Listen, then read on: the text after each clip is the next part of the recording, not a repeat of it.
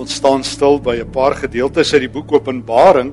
Uh met name begin ons uit Openbaring hoofstuk 4 en ook 'n gedeelte uit Openbaring 5 en dan net so vinnig ook 'n gedeelte uit Openbaring 14 en hoofstuk 20 ook. Dit is so dat Christene deur die eeue dikwels die beskuldiging gekry het dat ons eintlik met 'n ontsnappingsroete besig is dat ons in die hemel glo omdat ons nie op aarde wil leef nie. Vir my het dit baie gehelp toe ek eendag die woorde gelees het van die baie bekende Christen denker C.S. Lewis. Hy skryf If you read history, you will find that the Christians who did the most for the present world were precisely those who thought most of the next. Hy sê dis juis Christene wat verstaan hoe die wêreld lyk wat kom wat baie gedink het um oor die wêreld hier. En hier beteken dit hy sê it is since christians have largely ceased to think of the other world that they have become ineffective in this.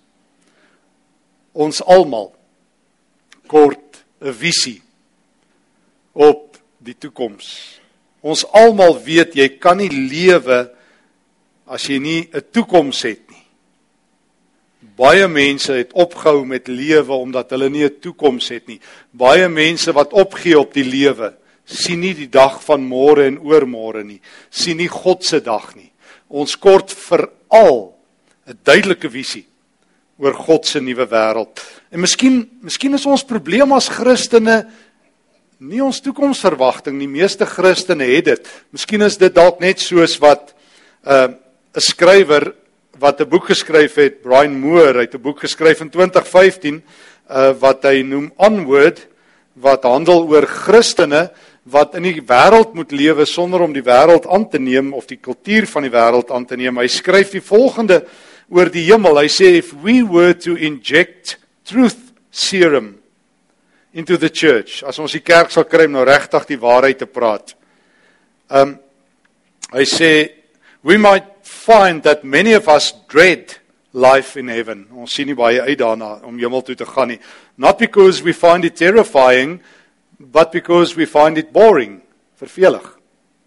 The vision of the end for, for many Christians is pleasant.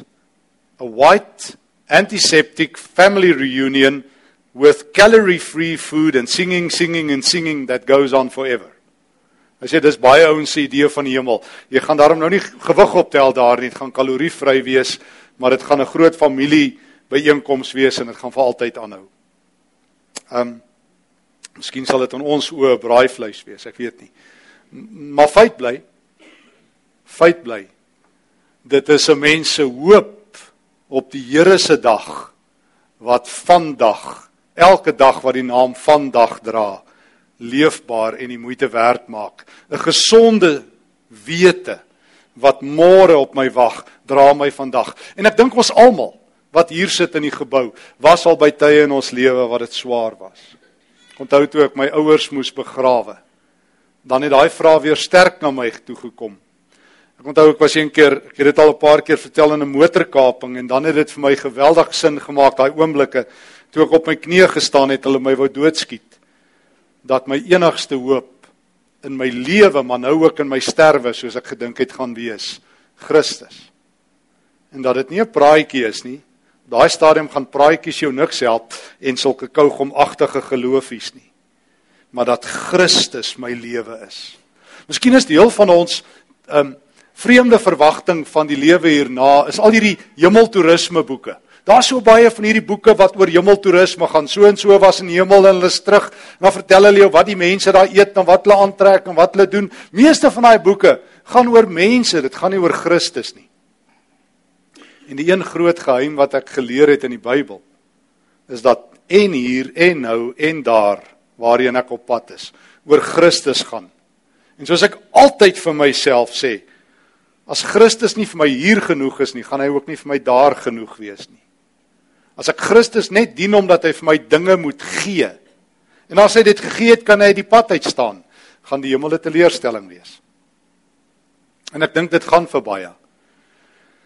Want vir baie mense moet Jesus net vir hulle ewige lewe gee en dan hoef hy nie meer daar te wees nie. Die ewige lewe is goed genoeg. Hy moet net 'n groot familie vir 'n uh, reunie reël. Ek wil net weer my oupa, my niggie en die tannie sien wat ek lanklaas gesien het dat ons bietjie na die wederkoms kan kuier. Dis nie wat die Nuwe Testament bedoel nie. Kom ons gaan sluit aan vir 'n oomblik by Openbaring 4. Ons staan stil by Johannes se geweldige visioen. Hy word vanaf die eiland Patmos waar hy 'n persona non grata is, 'n vlugteling, alwel nie 'n vlugteling nie, hy's 'n gevangene waar hy vir die Romeine uh, bedreiging is, sit hy op die eiland en dan verskyn Jesus aan hom. En die volgende lees ek in Openbaring 4 vers 2 word hy op 'n hemelreis geneem deur die Heilige Gees.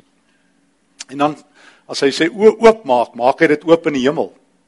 Ons lees in vers 2 As hy in die hemel inkom, dan sien hy daar's 'n troon in die hemel en op die troon sit daar iemand en dis God. God is op sy troon. Dis die eerste waarneming van Johannes in die hemel. Wie sien hy heel eerste? Vir God. God is in die hemel. God is op sy troon. Hy is so in beheer dat hy sit. En ek lees dat Johannes omdat hy oor woorde verleë is. Hy het nie genoeg woorde om God te beskryf nie. Beskryf hy in vers Sy voorkoms was soos op 'n uh, opaal en karnieul. Hy gebruik edelgesteentes om sy verleentheid dat hy nie taal het om oor God te praat te verberg. Hy sê dit soos hierdie helder rooi en wit, die heerlikheid van die Here skitter. Rondom die troon is daar 'n reënboog wat hom waarskynlik herinner aan die verbondsreënboog van Genesis 6. Dis die ware God, dis die God van Israel, dis die God van die verbond, die God wat Abraham, Isak en Jakob geroep het, die God van Moses, die Vader van Jesus Christus wat in die hemel is. En reg rondom die troon vers 4, um, is daar 24 ander trone waarop 24 ouderlinge sit. Dis nie ingewikkeld nie. Johannes verklaar dit vir ons later. Hy vertel in Openbaring 20 dat ehm um, daar dat die nuwe Jerusalem 12 poorte het en 12 fondamente en dit is die dis die 12 apostels en die 12 stamme van Israel wat vir jou 24 gee. Met ander woorde, in gewone taal, hy gebruik beeldspraak om vir ons te sê die Here se volk almal in die Ou en die Nuwe Testament wat deur Christus en deur God gered is, is by hom in die hemel. Almal is daar, daar ontbreek nie een nie. Al 24 bedoelende die hemelse skare sit daar rondom God, al die gelowiges. Let gou op. Dit is nogal belangrik. Hulle sit rondom God. Ek onthou so 'n klompie jare gelede moet ek een keer praat by by 'n plek oor lewe na die dood en 'n vrou sê vir my vra vir my by vraatyd gaan sy haar kind in die hemel sien want haar kind is baie vroeg dood. En mooi gereformeerd verduidelik ek haar die verbond en dat God 'n genadige God is. Sy sê nee nee nee nee nee. Ek dis reg, my my kind gaan ook in die hemel wees. Die probleem is ek het so gevorder in my geestelike lewe. Ek gaan 'n ewigheid ver van my kind af 'n plek kry in die hemel. Daar by die Here, my kind gaan deur agter sit by die deur waar hy net inkom. So tipe van. En voor ek dink wat ek sê, sê ek maar van mevrou moenie bekommer nie, ek sal groete sê vir jou kind. Maar ek hoor baie mense wat met hierdie idee loop dat ekskuus dat die hemel soos 'n Voyager myle program werk. As jy nou jou kant bring, dan kry jy beter byvoordele by die Here. Iemand vertel my nou die dag sonder om eers te bloos, hy werk nou al aan sy sewende kroon vir in die hemel. Ek sê so, dis ook al weer 'n kompetisie. So ek het almal meer as jy. Sê van wie ek het nog nie eens eene nie, so jy wen. Werk God regtig so? Ek wonder altyd wat se godsbeeld het sulke mense. Doen ooit enige goeie pa dit met sy kinders? Sê as jy hierdie week bietjie meer na my luister, dan gaan ek julle liewer hê. Ek gaan vir jou liewer hê as Jannie en Sannie in die huis. En ek gaan vir jou meer geld gee en ek gaan vir jou meer laat erf. Ons gaan maar sê dis 'n liefdelose pa. Maar mense dink God doen dit. Jesus het ons vertel, onthou ons daai storie in Matteus 20 van die arbeiders wat op die verskillende tye gehuur is. Wat kry hulle op die ou end? die ewige lewe. Almal dieselfde.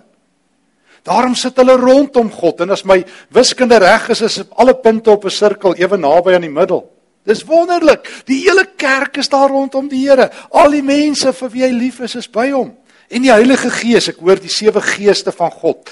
Vers 5 is ook daar. Dis beeldspraak om te sê die Heilige Gees in sy volheid. En ek hoor dit speel glad voor God se troon. Soos 'n gladde see vers 6. Bedoelende, die Satan is nie daar nie, want die ou Jode het geglo hy laat die see bietjie skommel onder andere.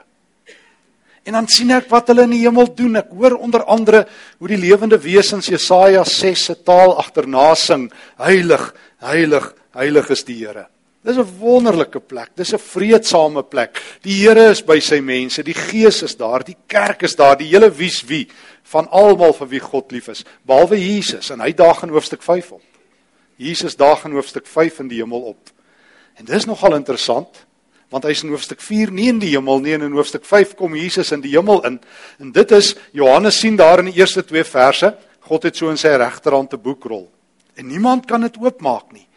En dit dryf Johannes tot trane.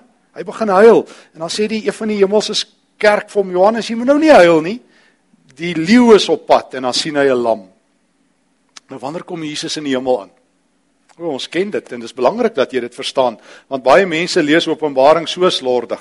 Ek sê altyd as daar ooit 'n waarheids- en versoeningskommissie sal wees vir Bybelmisdade, sal meeste mense aangekla word oor wat hulle aan Openbaring gedoen het hoe hulle Openbaring lees. Dis verskriklik wat mense maak. Hulle maak dit 'n drogboek en jy moet verstaan hoe hierdie boek loop. Dit is glad nie moeilik nie. Jy sien mos nou in hoofstuk 4 Jesus is nie daar nie en hier in hoofstuk 5 is hy in die hemel. So nou weet jy mos hierdie oomblik speel af met Jesus se hemelvaart. Dis daai oomblik toe Jesus in die hemel instap. En nou moet jy mos so 'n bietjie onthou hoe hy van die aarde af weg is. Dan moet jy mos onthou Matteus 28 of Lukas 24. Julle ken dit mos, Handelinge 1, 2 hemel toe is. Johannes het daar gestaan, die skrywer, en hy het gesien hoe gaan Jesus weg. Matteus het sy laaste woorde opgeteken op aarde. Ehm, aan my is gegee alle mag in die hemel en op die aarde.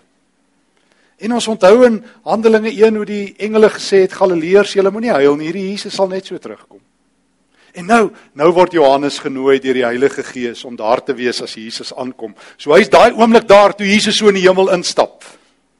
En hy weet God het 'n boekrol in sy regterhand en hier kom 'n leeu in die hemel en dan kry hy uiteindelik 'n lam.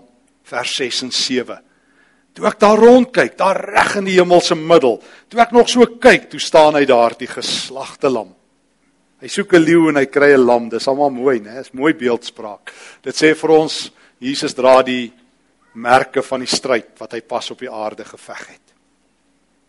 Ek wonder altyd of Jesus wonde het en of hy littekens het, want dit is nie dieselfde nie. Ek wonder nog altyd daaroor. Of ons sou kon praat van littekens en of ons sou praat van wonde, want 'n wond het nog nie genees nie en 'n litteken is die bewys dat jy deur 'n stryd is wat genees het, wat erg genoeg was dat dit 'n merk laat op jou lyf. Jesus het of wonde of littekens.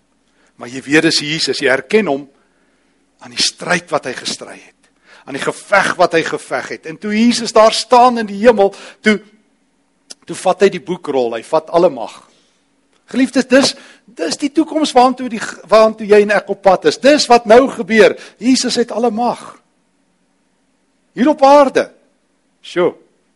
Ouens wat hulle hoop op hierdie wêreld sit, ou sê nou die dag vir my, hy glo nie in lewe na die dood nie. Ek sê dit lyk ook nie vir my jy glo in lewe voor die dood nie. Want jy lewe maar elendig. So vergeet nou lewe na die dood. Kom ons kyk eers of ons vir jou kan lewendig kry hier en nou of ons bietjie uh, bietjie uh, kan bietjie gees tot gees uh, oor aseming kan doen of iets sodat jy kan begin lewe. Ek sê maar dit moet dan elendig wees broer. Wil jy vir my regtig sê dis dit? Wil jy vir my sê this is as good as it gets? Soos jou asem uitblaas is dit klaar. Ek sê van dit gaan maar elendig met jou. So dit lyk vir my wat 'n hopelose gemors. Paulus sê dit in 1 Korintiërs 15. Hy sê as jy nie glo dat Christus uit die dood opgewek het nie, weet jy wat? As jy die hooplooste van alle mense wat daar kan wees. As jy grap op jou. Maar dis 'n Christelike hoop, nie dat jy ontsnap van hierdie wêreld nie, maar dat jy weet ek ken Jesus wat alle mag in hemel en op aarde het. Ek ken Jesus wat alle mag in hemel en op aarde het. Want waaragtig moet jy dit weet. Anders dan gaan hierdie lewe jou opvreet, want hierdie lewe is hard. Partykeer partykeer is dit net onbillik. Partykeer is dit net so waar wat Prediker 9 vers 2 sê dat dieselfde lot almal tref. Partykeer gaan mense net wreed dood. Partykeer sterf mense net op verskriklike maniere, maar nooit het die Nuwe Testament die hoop opgegee. Trouwens, dit was 'n vaste hoop, want hulle het die hemel gesien, hulle het die toekoms gesien. Daarom kon hulle in die hede leef. Maak nie saak wat die lewe aangegee het nie. Paulus kon uitroep in 2 Korintiërs 4, my oog is nie op die sigbare nie, maar op die onsigbare. En daarom kon ek elke dag die lewe loop, want ek het Jesus in die geloof gesien. Ek het gesien saam met Johannes hoe hy die boekrol vat en die seels daarvan oopmaak Ek is nie 'n noodlot slagoffer nie. Ek is nie uitgelewer aan die wêreld nie. Ek is nie 'n pion wat maar net deur die lewe rondom bond geskuif word nie. Want dis wat baie maklik gebeur en dit is inderdaad so vriende in hierdie wêreld. Is jy behalwe vir 'n paar mense naby aan jou, is jy maar net 'n entiteit, maar net nog iemand wat asemhaal, maar net nog iemand op 'n bevolkingsregister as daar 'n sensus gedoen word. Maar net nog 'n nommer op wat met 'n ID dokument uitgeken word as ergens iemand iets van jou wil weet. Maar vir die wêreld jy nie baie asem nie, maar God kies om te verskil. God kies om te verskil. In hierdie wêreld sal jy ook agterkom behalwe miskien vir een of twee dinge in jou huis. Miskien is jy so gelukkig dat daar iets in jou huis waardevermeerdering het, maar min of meer alles in die lewe het waardevermindering. Jy koop 'n nuwe kar en jy ry by die handelaar uit en dan sê hulle vir jou daai kar het alreeds waarde verminder. En dit gebeur met mense. Mense se waarde verminder baie keer drasties. Hulle kom by die werk en sê jy's oorbodig verklaar. Jy is nie meer nodig nie. Jy is nou vir ons nutteloos. Jy moet gaan. Of jy tree af op pensioen en hulle sê jy jy was wonderlik en dan die volgende dag kry hulle iemand in jou plek en dan as jy vergeete. Mense het nie baie waarde in die oë van ander mense nie. O, mense het waarde solank jy vir hulle iets kan beteken. Maar as jy jou ek sit nou die dag na oom en kyk op video het my diep aangegryp. Ek het dit al 'n paar keer gewys. Kom ek weer daarop af op my rekenaar wat ehm um, ehm um, Bill Knight, hy's nou al oorlede. Hy hy hy het begin om saam met 'n paar ander ou ooms en tannies die Amerikaanse troepe wat terugkom. Ehm um, net by die lughawe in te wag met 'n beker koffie. Dit het so bekend geword dat die Amerikaanse president hom genooi het Withuis toe, hierdie oom. Nou vra hulle hom, "Hoekom het hy dit gedoen?" Hy sê, "Ag, ek het agtergekom in die oë van die wêreld." Hy sê in Engels, "I've outlived my personal usefulness." Maar toe dink ek ek kan nog iets vir iemand beteken. Ek kan nog vir iemand 'n beker koffie gee. Hoor hierso, by God het jy nog nooit jou personal usefulness outlive nie. Psalm 116 sê die sterwe van een van die Here se mense is vir hom geen geringe saak nie. God doen nie wat die wêreld doen en sê kom ons doen 'n bietjie waardevermindering elke jaar op jou nie. Hy sê ek doen waardevermeerdering soos wat jou tyd nader kom om jou asem uit te blaas. En daarom is Christene nie mense wat opgee op die lewe nie, want Christene het die toekoms gesien en dit lyk goed ek hoor, ek hoor as Jesus die boekrol vat 5 vers 8, kniel die hemel voor hom neer, kniel die hemelse kerk voor hom neer met gebede en sieters. En toe sing hulle 'n nuwe lied waarvan ons gelukkig die woorde het: U is waardig om die boekrol te neem en dit oop te maak omdat u geslag is en mense met die bloed uit elke stam, volk en taal en nasie losgekoop het. Hy het hulle 'n koninkryk en priesters gemaak. Dis ons. Dis ons. God maak ons konings en priesters. Hy gee vir ons hoë waarde. Hy sê julle is my koninklike priesterdom. Dis hoekom 'n Christen 'n toekomsverwagting het. Dis hoekom die vroeë kerk en jy gaan dit lees aan die einde van Openbaring hoofstuk 22 dat die kerk en die gees uitroep kom Here. Kom maak ons weer u konings en priesters. Nee, dis nie ontsnapping uit die wêreld nie. Daar is so nik in by ty godsdienstige se lewe. My ouma het dit so nou en dan nog gehad, onthou ek, dat sy altyd gesê het my kind, die Here moet my nou maar kom haal. Onthou julle daai ene? Ek onthou Elia terloop sê dit ook gehad op 'n dag. Daar in Konings 18 en 19 is hy eers slaan hy die die Baal profete vir 'n 6 of sommer net vir die dood en dan die volgende dag moet hy hardloop vir tannie Isebel dan sy op sy saak. En hy lyk lekker vegfliks, vlugfiks. Hy trek seker sy goeie sy drafskoene aan en hardloop hy onder sy slaaf uit. Hy los hom agter gaan. Dit is baie interessant. Dan hoofstuk 19. Hy los sy slaaf, dan gaan hy so dagreis in die woestyn en dan sy brandstof op, dan gaan lê Elia in die doodsposisie. Dan sê hy wat my ou mag sê, die Here moet my nou maar kom haal. Daar lê hy. Nou daar gaan 'n engel op. Hy dink is die hemelse begrafnisondernemer. Maar hy sien die engel het 'n mandjie by hom. Maar wonder hy wat sê dan sê die engel Elia, neem eet. Dan dink hy, o, dis my laaste ete. Ek is op soos die Engels as jy on death row, nou kry ek my laaste maaltyd. Nou eet Elia, gaan lê weer in die doodsposisie want hy het mos nou sy laaste maal. Dan sê die engel, mm -mm. luister, daar's nog daar's nog oor seconds. Nog. As jy by die Here is, dan moet jy nog eet, want hy het vir jou lewenskos, hy het nie vir jou sterfkos nie. So Elia, het kos sodat jy nog 40 dae hoor heb toe kan loop. So eet. Die Here besluit wanneer jy doodgaan. Die Here trek die streepie, nie jy nie. Die Here het hoë waarde op jou lewe en solank jy asemhaal, leef jy. Daarom hoor mooi, hy het ons konings en priesters gemaak en ons sal oor die aarde regeer. Partykeer onthou mens iets wat jy sê. Dalk gebeur dit met jou op vreemde maniere. Of baie keer sê mense iets dan dink jy na die tyd jy dit nie goed deurdink nie. Dit gebeur baie met my. Ek moes dit nog beter deurdink het. Maar onthou ek sê op 'n aand iets in 'n preek daar vroeg 2000 en ek gedink na die tyd ek moes dit beter deurdink want ek verstaan dit self nog nie mooi nie, maar ek maak die opmerking 'n Christen is onsterflik totdat die Here die opdrag gee jy moet huis toe kom. Maak nie saak of jy in 'n misdaad sterf of jy in 'n motorongeluk sterf of jy natuurlike oorsake sterf nie, jy is so half on, onsterflik en ek kan nie eintlik dink na die tyd wat ek dit gesê het nie, ek moes dit nog meer deurdink het want dit is soos ek altyd vir myself sê ook daarom nou nie so eenvoudig nie, maar en ek onthou ek kry 'n ruk daarna 'n brief uit die blou tyd. Ons was op daai stadium in die buiteland. Kry ek 'n brief van mense, ek onthou sal dit bly in Silverton. En hulle skryf vir my hulle was die aand in die kerk toe dit toe hulle daai woorde gehoor het. En skaars 'n week daarna of 2 weke daarna, een aand bars daar 'n klomp rowers in hulle huis in met masjiengewere en dis baie groot chaos. Hulle slaan alles stuk en sê hulle gaan hulle vermoor en dis regtig 'n uiters slegte situasie. Hy sê my kom ietsie agter vertel hy in die brief dat elke keer as hierdie klomp kriminele so op hom afkom, dan dan gee hulle net so pad. Hy sê en, en hy sê vir sy vrou: "Sien jy hierdie mense kan niks aan ons doen nie." Hy sê En sy vrou sê vir hom, "Onthou jy wat die Here vir ons nou die aand in die preek gesê het? Dat totdat hy opdrag gee, kan ons nie huis toe gaan nie. En as hy opdrag gee, is dit reg. So toe sê ons vir die skieters, dis nou julle kans of julle ons nou skiet of nie. Dis soos 'n ander vriend George Nell vir my altyd sê, hy sê 'n hijacker moet hom nie met die ewige lewe dreig nie. So ehm um, so hy sê vir hulle, dis nou julle kans. Of ons lewe of ons sterwe, Romeine 14, ons is Christusinne. Dis nie 'n speelietjie nie. Maar wanneer daai dinge gebeur met jou, dalk was van julle al daar. Wanneer hy ons daai 9 mm teen my nek druk en hom so span, dan sit nie 'n speelietjie nie. Dan weet jy of jy geloof of jy enigste troos Christus is.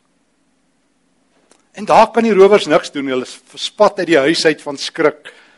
En daar leef hierdie mense. En dit het my weer laat besef 'n Christen het hoë waarde vir God. Selfs al moet jy saam met Paulus en miljoene Christene partykeer op wrede maniere sterf. O, by die Here is dit so anderster. Trouwens, trouwens Openbaring 14 vertel terwyl Jesus daar op die Sionsberg staan 'n nuwe visioen van Johannes waar hy op die Sionsberg staan, dan lees ek net in vers 1. Dit is wanneer Jesus by sy aardse kerk kom staan. Toe het ek die lam op die Sionsberg sien staan en by hom 144000 mense met sy naam en sy Vader se naam op hulle voorkoppe. Vertrou my maar net vir 'n oomblik dat hierdie teks wys ook na die hemelse Christus wat pas in die hemel is en dan nou ook vir sy aardse kerk kom sê die 144000 wat in hoofstuk 7 simboliek is vir die aardse kerk. Die aardse kerk die 144000 die hemelse die 24. Maar die punt wat Johannes wil maak op elke gelowige is Christus se naam en die Vader se naam geskrywe. Dan lees ek in Openbaring 20 vers 11 tot 15 op die laaste dag as almal voor Christus staan. as almal voor God se troon staan op die dag van die wederkoms vers 15 van Openbaring 20 as daar gevind is dat iemand se naam nie in die boek van die lewe staan nie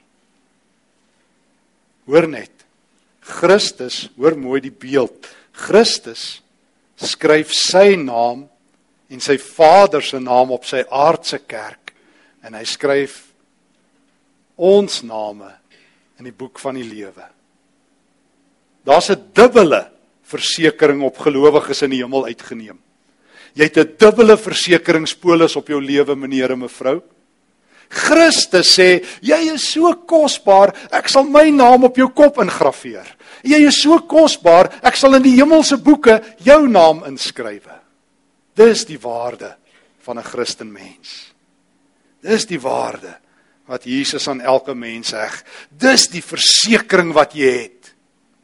Christus het 'n nuwe wêreld en daar's plek vir my. En daar's plek vir jou. Dis nie waar. Dis gewoon nie waar dat ons slagoffers is. Dat ons uitgelewer is aan die noodlot. Dat wat moet maar gebeur sal gebeur nie. Christus sê ek staan by my eiendom. Hier en nou.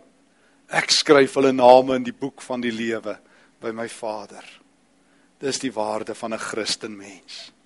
En dit het my weggeruk en weggeblaas en dis my hoop. En daarom kan ek elke dag lewe. Kan ek die lewe in die oë kyk? Want of ek hier is, sê Paulus, en of ek daar by die Here is, ek leef vir die Here, soos hy in Romeine 14 ook skrywe. Ek is die Here se vir tyd en vir ewigheid. En of ek my asem hier inhaal en of ek my laaste asem uitblaas, ek is in die Here. Ek onthou die storie het ook weer teruggekom. Ek het dit al daar by die aanddiens vertel, maar dit die afgelope tyd weer in my hart teruggekom. Ek onthou toe ek 'n dominee was, 'n jong dominee. Ehm um, het 'n seentjie in ons gemeente aan uh, kanker gesterf. Hy was so 10 jaar oud. En ek onthou ek die aand by die hospitaal ingestap in Johannesburg en ek het geweet hierdie ou seentjie sal nie vannag lewe nie. En ek het daar op sy bed gaan staan en vir hom gesê ek het iemand hier by die deur sien staan. Hy sê pappa en mamma, ek sê nee, Jesus. Ek sê hy gee jou vanaand kom haal. En ek sien hy het 'n goue kroon in sy hand en ek gesien het daai kroon vir jou gemaak. Sakpas met jou naam op. Ek sê hy wink vir jou. Hy kom jou vanaand haal. Weet jy dit? Hy sê nee oom. Ek sê Jesus gaan jou kom haal. Ek sê Het jy ooit by die skool reisies gehardloop? Hy sê in graad 1 het ek. Ek sê wat het gebeur? Hy sê oom my mamma daar by die wenpaal gestaan want ons het maar skeef gehardloop. Hulle het sê ek moet op my mamma afhardloop. Ek sê hoe het sy jou gevang? Hy sê met oop arms oom. Ek sê moet kyk Jesus se arms is oop. Hy sê oom ek kan nie meer hardloop nie, my lyf is te seer.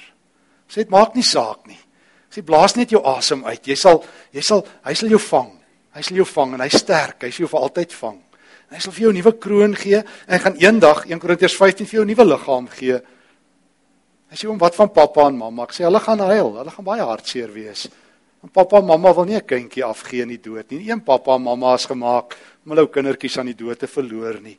Maar weet jy wat? Ons het 'n hemelse Vader en ons het Jesus en hy is ons hoop en hy is ons troos. En weet jy wat? Eendag sal pappa en mamma ook sal Jesus jou vat en hy sê jou sê kom kyk, pappa het aangekom of mamma het aangekom, want hulle gaan nog self stikkend hardloop. Want is die een ding wat ons van hierdie lewe weet. Die lewe is so hard dat ons ons almal gaan dood lewe.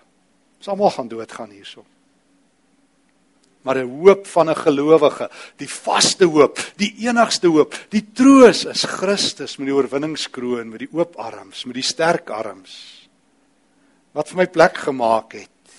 Die koning van die hemel, die leeu uit die stam van Juda, die geslagte wat dood was en tot in ewigheid lewe. Hy is my hoop. Hy is my troos. Hy is my enigste hoop. Nee, nee, die hemel is nie maar net 'n ou vervelige partytjie waartoe ek uitsien nie. Die hemel is waar Jesus is. Jesus wat gesê het in Lukas 22 vir sy disippels: Ek gaan vir julle 'n fees voorberei. En ek kan nie wag om nuwe wyn saam met julle almal te drink nie. Ek kan nie wag om julle almal te ontvang nie. Dis Jesus wat in Johannes 14 gesê het. Daar's baie plek. Ek het ruim plek vir al my kinders, my vader se kinders voorberei. En as dit gereed is, gaan ek julle kom haal. Nee, ek ontsnap nie hierdie lewe nie, ek leef hierdie lewe met 'n vaste hoop, met 'n vaste wete. Ek het die hemel gesien en Jesus is daar en dit lyk goed. En daarom roep ek saam met die kerk uit, Maranatha, kom Here Jesus. Ja, kom gou. Amen.